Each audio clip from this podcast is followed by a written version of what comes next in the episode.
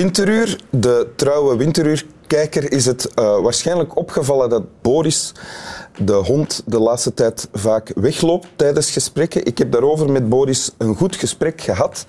En wat blijkt nu? Um, wij mensen nemen dat veel te persoonlijk. Want het woord weglopen bestaat zelfs niet in de hondenwereld. Daar kennen ze alleen ergens naartoe lopen. Dus ik heb daar begrip voor getoond. En Boris van zijn kant heeft beloofd dat hij zijn best zou doen om uh, tijdens uh, dit gesprek te blijven liggen. Hij heeft er wel bij gezegd dat hij niet kon beloven dat hij zich aan zijn belofte zou houden. En daar heb ik dan ook weer alle begrip voor getoond.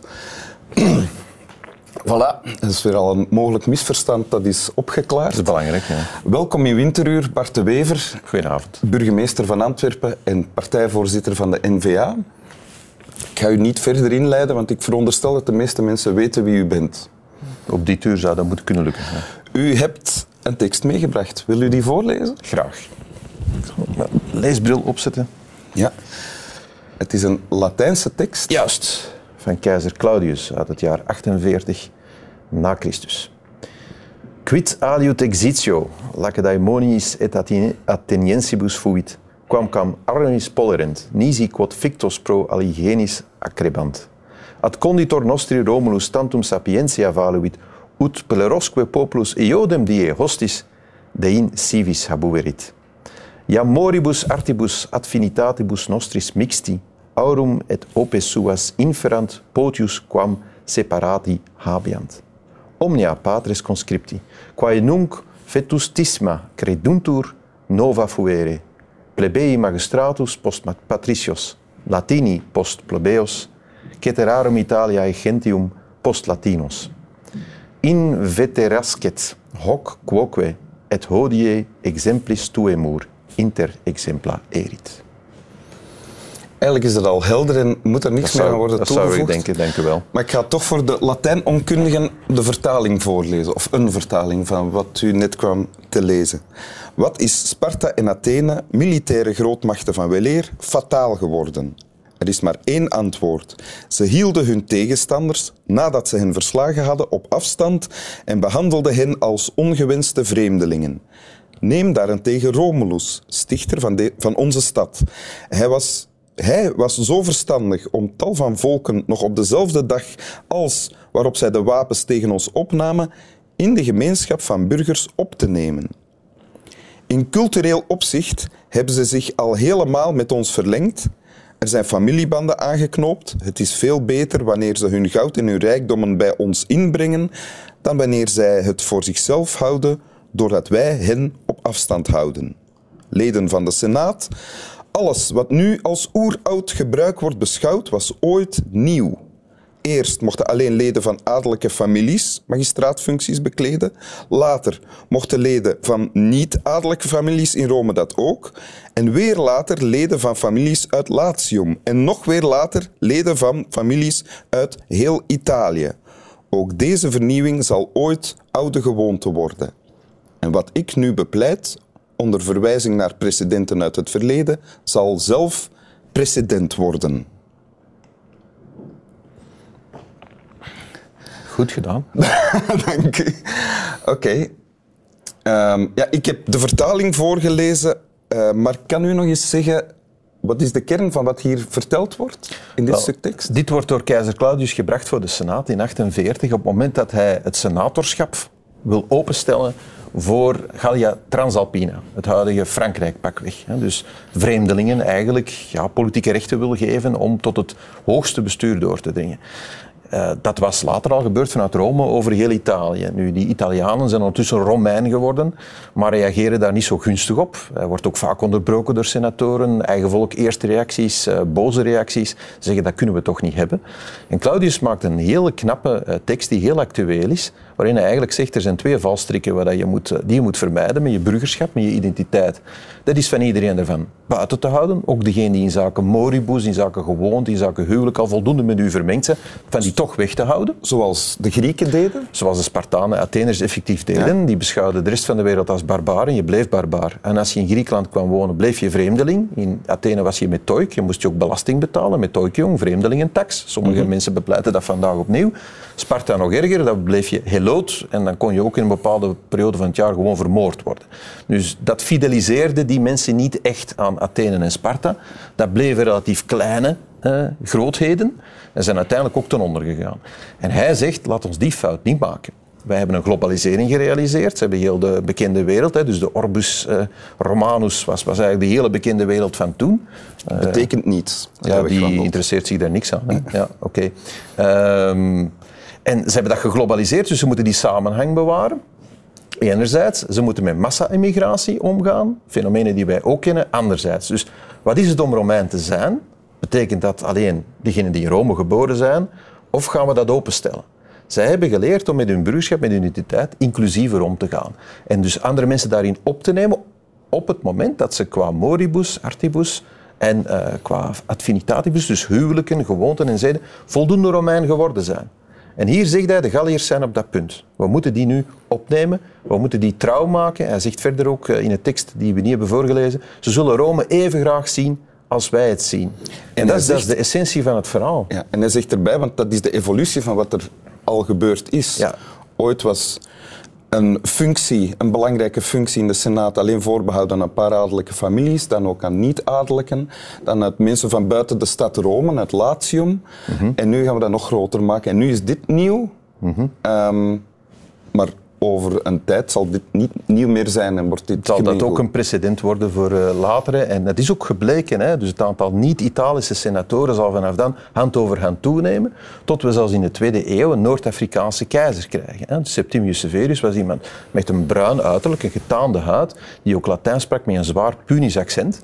En dat was ook geen enkel probleem. Voor de Romeinen was dat een Romein, want hij was in zeden, gewoonte, een Romein voor hen. Ze beschouwden hem helemaal niet meer als een vreemdeling. zegt u, dat Punisch accent, van waar kwam die dan? Wat zou dat nu zijn? Wel, land is het dat zou waarschijnlijk Tunesië zijn. Zijn ah, vrouw was een uh, Libische, uh, Julia Domnia, een bijzonder krachtige vrouw, die eigenlijk een soort keizerin was. Maar dus, sorry dat ik je onderbreek, maar dus uh, nog later zijn niet alleen mensen uit Gallië, maar ook uit Noord-Afrika enzovoort, zijn ook allemaal Romein geworden in die zin dat ze ook het hoogste ambt konden ambiëren en krijgen. Dat is ook zo, ja. Dus dat zelfs een Tunesiër eigenlijk keizer kon worden van het Romeinse Rijk. Ze hebben daar ongeveer iets van een 300 jaar over gedaan, uh, om van dat 350 jaar, van een heel exclusief burgerschap, Romein was hij in Rome was geboren, of Latium, het gebied rond Rome, tot iedereen die geboren wordt in het Romeinse Rijk is Romein. Dat heeft er ongeveer 350 jaar gekost. Ja. En dat hebben ze heel geleidelijk gedaan. Dus voor de Romeinen zouden nooit een snel Romeinwet of een snel Belgwet hebben aangenomen. Dat zouden ze ja, beschouwd hebben als een aberratie.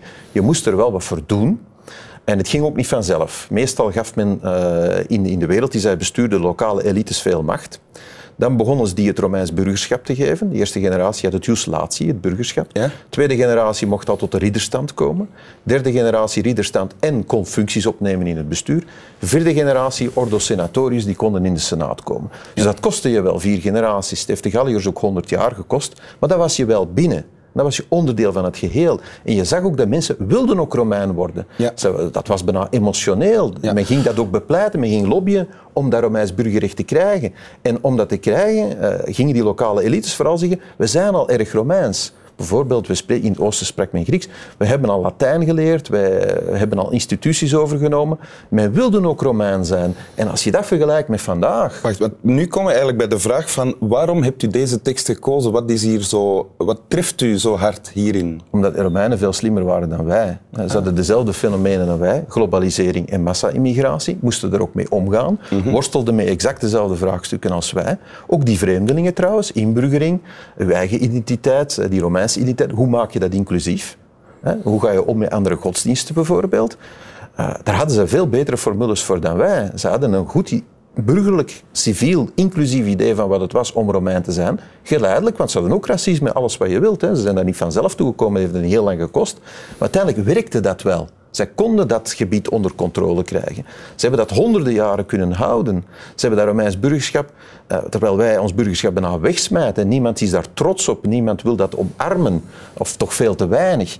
Eh, hebben ze dat wel gekund. Ook al gaven ze bijzonder weinig. Ze hadden geen sociale zekerheid. In Rome kon je als Romeins burger een beetje graan krijgen elke dag, maar dat was het zo ongeveer.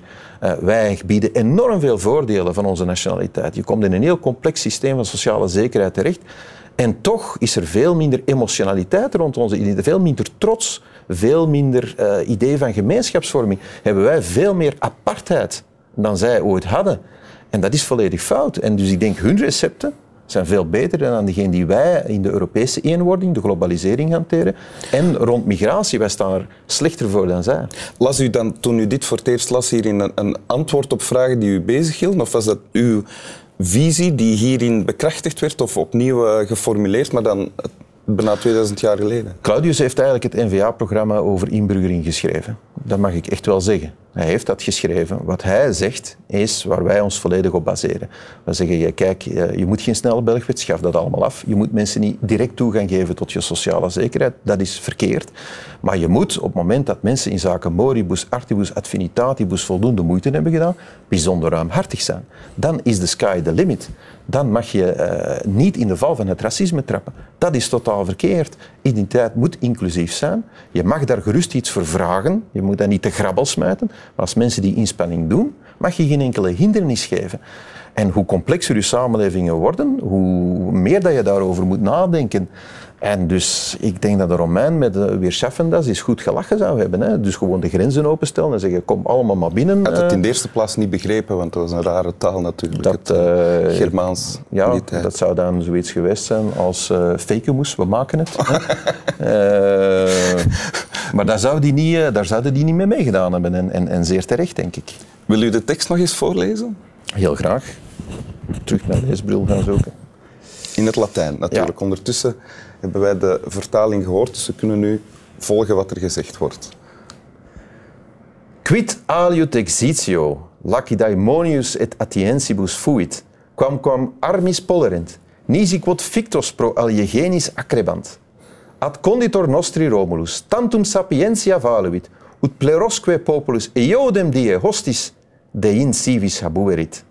Iam moribus artibus ad finitatibus nostris mixti aurum et opes suas inferant potius quam separati habeant.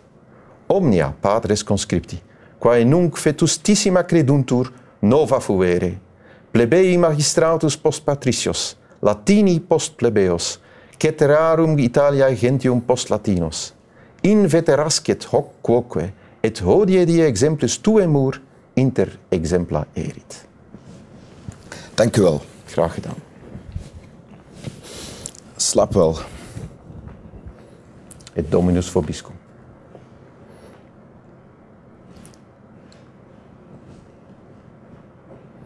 Die lange fade-out hoort erbij, hè? Het ja. programma, ja. ja. Plots een uh, katholieke annexje dat je erbij smeet. Ja, dat is ook onderdeel van onze identiteit. Hè. Ook al is dat natuurlijk ondertussen sterk gelaïciseerd. Dan mag je dat niet wegsmijten. Nee, oké.